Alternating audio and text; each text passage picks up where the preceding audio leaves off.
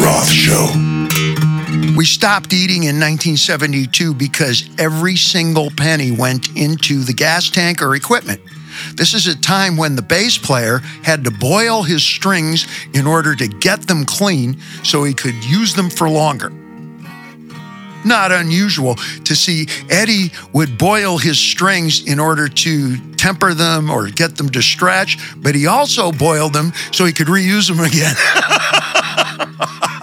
yeah, and every our pa- our parents pretty much abandoned us and said, "Look, if you're going to choose music and professional music as what you do for a living, that is wildly unstable. We suggest you do something with a serious format of education. You're on your own."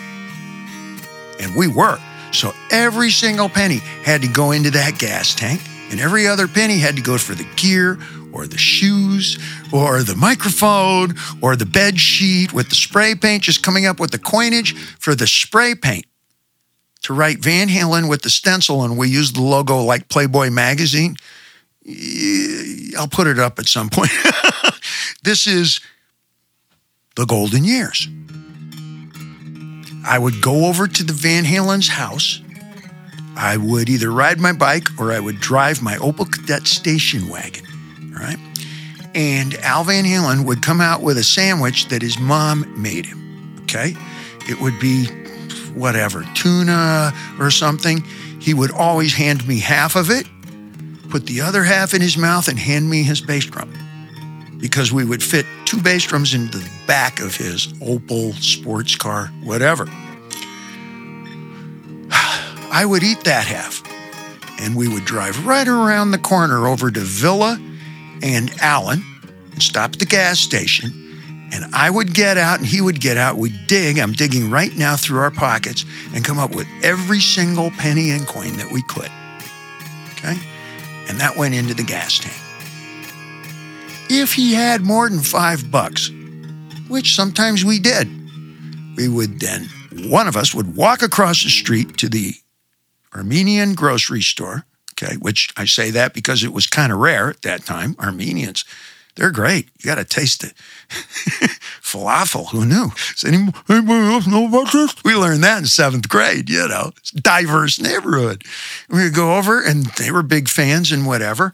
And we knew that, you know, if we had another two bucks, you could get uh, a couple of beers and a pack of Marlboros, but no, it was Camel cigarettes, Camel Filters was our brand, and two cans of Schlitz malt liquor. And they were family. We knew the brothers were going to come to the next backyard party whenever that was. So if we were change short, we're good. We're good. and then come back, get in the car, and drive to wherever it was that we were playing. And that would mean two hours in any direction. And that would include Catalina in case we had to get on the ferry boat and go and, you know, come back, play the Avalon Ballroom, whatever. And that included as far out as the other end of, uh, we called it Fontucky because at that time you felt like you were going back in time, like Civil War Kentucky. But today, Fontana, is a happening place. And that's as far as our little gas tanks and willingness to sit in that car two hours in any direction because we had to tear down our own equipment and get in those cars and drive home. All right. So we had jumpsuits, military kind of, you know, uh, flight suit, one zipper kinds of things. So we would play both roles. You wear your show clothes underneath your jumpsuit, set up your gear, then go behind the amps and take your jumpsuit off and then come on stage rock star. Everybody knew we were doing this. It was expected and it was well applauded. and we would play places like, uh, okay, I'll think Walter Mitty's was the name of it for some inexplicable reason. And right next door was a Gospel of the Pentecost storefront, prayer meeting, thump the Bible. Those that walk the streets can now find a pew. And on the other side of that was a porno store because in those days you had to go to a porno store. Or there was a bookstore that always had a lane of, quote, adult magazines and a little rope that said adults only. Whatever was right next to that rope, which was the Bungalow News in Pasadena, that was the motorcycle and Jeep and car section, which inexplicably I was attracted to. I spent a lot of time pretending to look at those Jeep magazines. and we would play Walter Mitty's, which was a biker bar. I believe it was the Mongols at the time. All right. Uh, it might have been the Gypsy Jokers because there was a constant, the Satan Slaves and there was a, the Hells Angels were involved, but it was a rootin' tootin' place. Okay. I would wear my jumpsuit and Al, who at that time was big time, big guy, big like you, Tom, is the real deal drummer. Dig it? I was 21 and he was about 23, as I recollect, 24. And uh, I would be in charge of the uh, cigar box because I'm Jewish, frankly. I'm organized and I, I, I was uh, good at uh, interacting with other people and communicating on an equally. Hey, come on, I can bond, I can bond with a fire hydrant. I, have broken bread and made campfire in 47 countries, and most of them have nothing to do with rock and roll. All right. So, Manny, what happened to the last 50 bucks? Ray, don't make me go get Al. You can't reason with Al. Yeah, exactly. I wasn't going to reason with him. I'm going to tell him you fucked up and I'm 50 bucks short. So we'll start all over. Joe. and that's was me off in the corner of a sawdust on the floor beer bar. That's what I'm singing about in somewhere over the Rainbow Bar and Grill. The smell of fresh sawdust on the floor. That's to soak up the beer and it's very effective. Fresh sawdust during the sound check, right before they open the doors at 8:30. And here we come, happy hour from 5 till February. My name's Dave. Hey, I got my first request right here, but you know what? Fuck you, pal. I'm going to sing anyway. And Al would kick in, and I would look forward to the hecklers because they become the high point of your show. All right. And uh, hey, sometimes they have a point, Maybe we have a point. Welcome to the Roth Show. Roth Show. Walter Mitty's was a place where if you were new, you didn't know that the ladies' room was right off to the right hand side of the stage with one toilet and one sink. And if you just opened the door, you could see the throne. It was tiny, it was phone booth sized.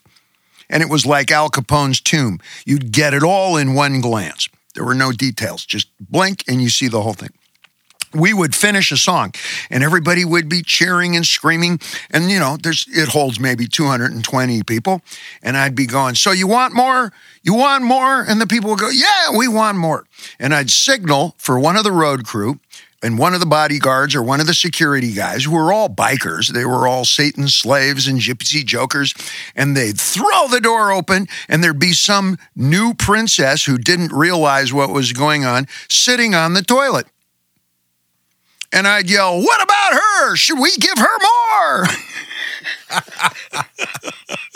and everybody would cheer and scream because we knew at least twice a night some new girl would be brought in and everybody would be having a good time and she'd use the bathroom unwittingly and become part of the furor and the fun. Okay. And everybody would cheer and scream, and we'd hold the door open, and everybody would take a look and cheer for her. She'd become the queen of the night. She'd be drinking for free for the rest of the night and acting embarrassed. And you had to wait until somebody who didn't know any better would go in and use the ladies' room. Again, the ladies' room sound much bigger than it was. It was a closet that somebody had forced the toilet into with a sink that stretched out over your legs, and you could barely fit one human in there. In the middle of the song, I'd quiet it down after the solo and I'd go, okay, folks, I want to talk a little bit about love. You know what? I've done enough talking for the night. Let's get some other opinions here. And I'd walk over to the ladies' room with two of the security guys, big gorillas who worked in the place, and the door was prepared for this. These guys all did construction and road work. So the hinges had been replaced with refrigerator hinges years ago that you could just pull the pins out with your thumb and forefinger, okay? And they'd pull the pins and literally remove the door. so there wouldn't be any closing the door. You dig? And there'd be a little Doreen taking care of her business. And I would walk right up to her on the toilet and I'd say, Hi, what's your name? and sometimes they would scream and try and hide. And I go, no, no, no, no, no, no. We're all friends here. Oh, we want to just talk. Final exclamation point memory at Walter Mitty's Rockin' Bar and Grill in Pomona. It was a seminal place for Van Halen. We knew that every, I'd say one out of every three nights that we played there, there would be a serious fist to face confrontation. I mean, a five finger knuckle death punch, and that would be some feisty little Mexican gal putting the lights out of some five times her size Vato. They hadn't changed over to plastic yet, so it was still glass pitchers and glass glasses. And I would know from the first pitcher being busted, people knocked glasses over all the time. But if a pitcher got knocked over, that meant the shit was on, and we would interrupt anything that we were playing in the middle of a five song, five set a night thing. That's five 45 minute sets a night. That's about 80 songs if you include no matter what. We would stop and I go, hit it, Al. And we break into Jim Dandy to the rescue. and that was the fighting theme song. As soon as I hear a pitcher burst, I'd turn to Al and I go, hit it, put my fists up. And we would break into that song regularly. Somewhere there is a tape recording of Van Halen playing Jim Dandy to the rescue. Something, see, I close my eyes when I go back through these things. Sure. And if you're sitting there, like Tom is sitting there, we're in the most elaborate studio. This is Studio B at Henson. Tom, you're welcome to fill in as we go. Virtually all of the mamas and papas hits. California Dreamin' was recorded in this room. That's a billion dollar entity. You, those are songs, you know, all the leaves are brown. And, and come on, uh, New York's a lonely town. this kind of stuff. All the Carpenters hits. Uh, Gimme Shelter was recorded over in Studio A. We Are the World was recorded here. This is big time studio time here. And what I do is I close my eyes and I just kind of wander back through it. So I'm doing all of this standing up. All right.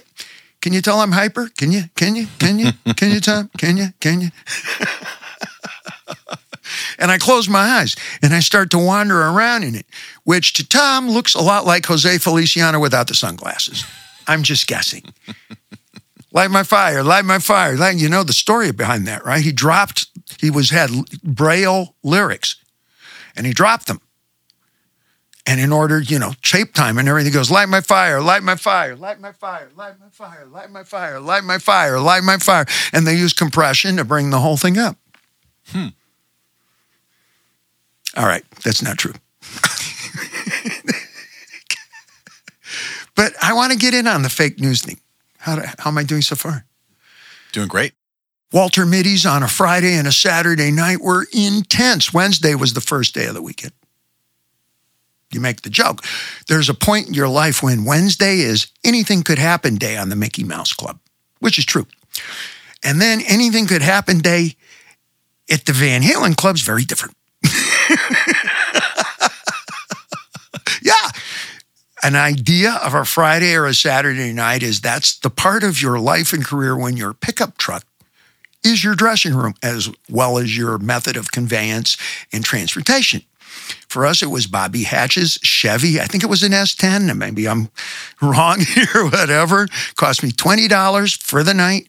Got to return it with a full tank. Bobby. Okay. Just the other day, I went to the e bike place. I got a brand new seat. The fellas go, Dave, you're our best customer. It's on the house. I said, fellas, I can afford five seats. And I'm in a business where in three years I might go, Bobby, front me the fucking seat. I'm good for it. I'll see you in a month. I'm, it's Dave. they looked at me and went, you know what? He's right. and they let me pay for the seat. And we would park the pickup truck behind Walter Mitty's dirt lot. This is when Pomona and that general area was a lot, a lot of great dirt expanse whatever. Think like Friday Night Lights.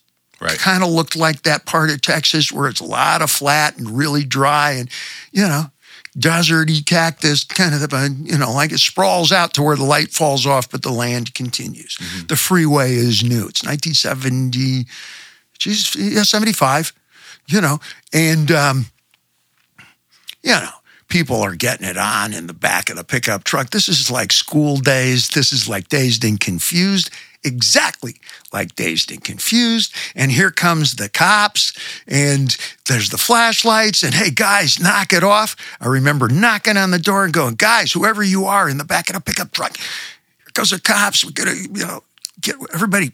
Let's, split up. Come on, we got to go on. It's third set. You know, we go on nine fifteen. Here we go, five sets. This pretty little surf gal looks a bit like Taylor Swift, but with bangs. The little, little surf gal was so drunk. And it was Boone's Farm Day, sparkling wine. Apple was my favorite. All right. I think she was drunk on Boone's Farm. Okay. And she got in front of the stage, and the stage was about three feet tall, which is about hip high for, you know, here we go for me. Got it? Mm-hmm. And she was so drunk, she danced the next four sets, pressed up against the stage and staring me right in the eye. She was so drunk, she didn't know her pants were on backwards.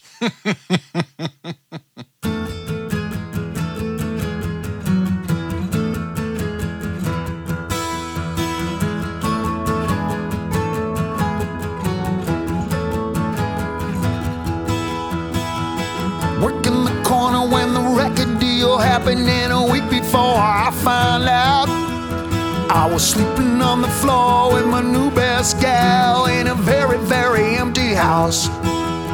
Wrong kind of nonconformist, that's the case and always be. In a sleeping bag, front of the fireplace,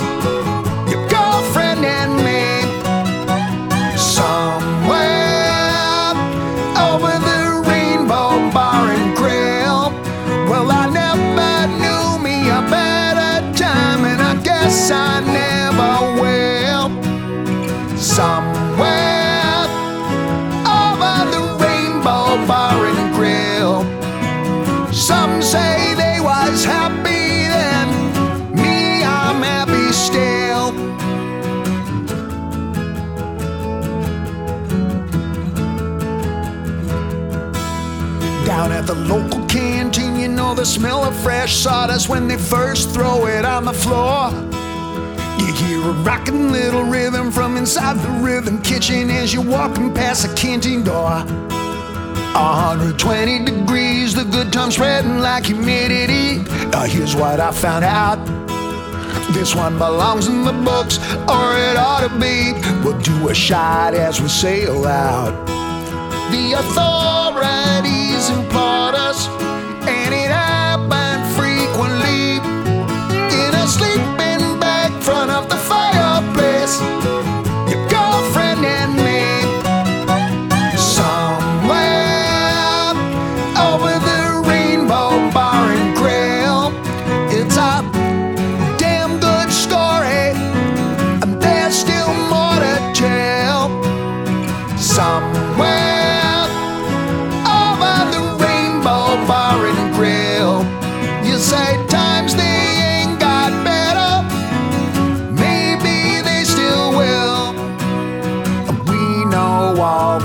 punchlines. We still laugh like hell. One thing never changes.